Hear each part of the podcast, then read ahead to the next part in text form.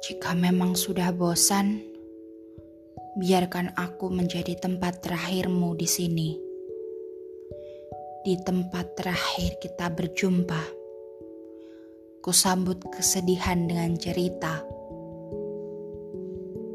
Aku memang tak tahu apa-apa tentang cinta. Namun, ketakutan terbesarku adalah ketika aku kehilanganmu.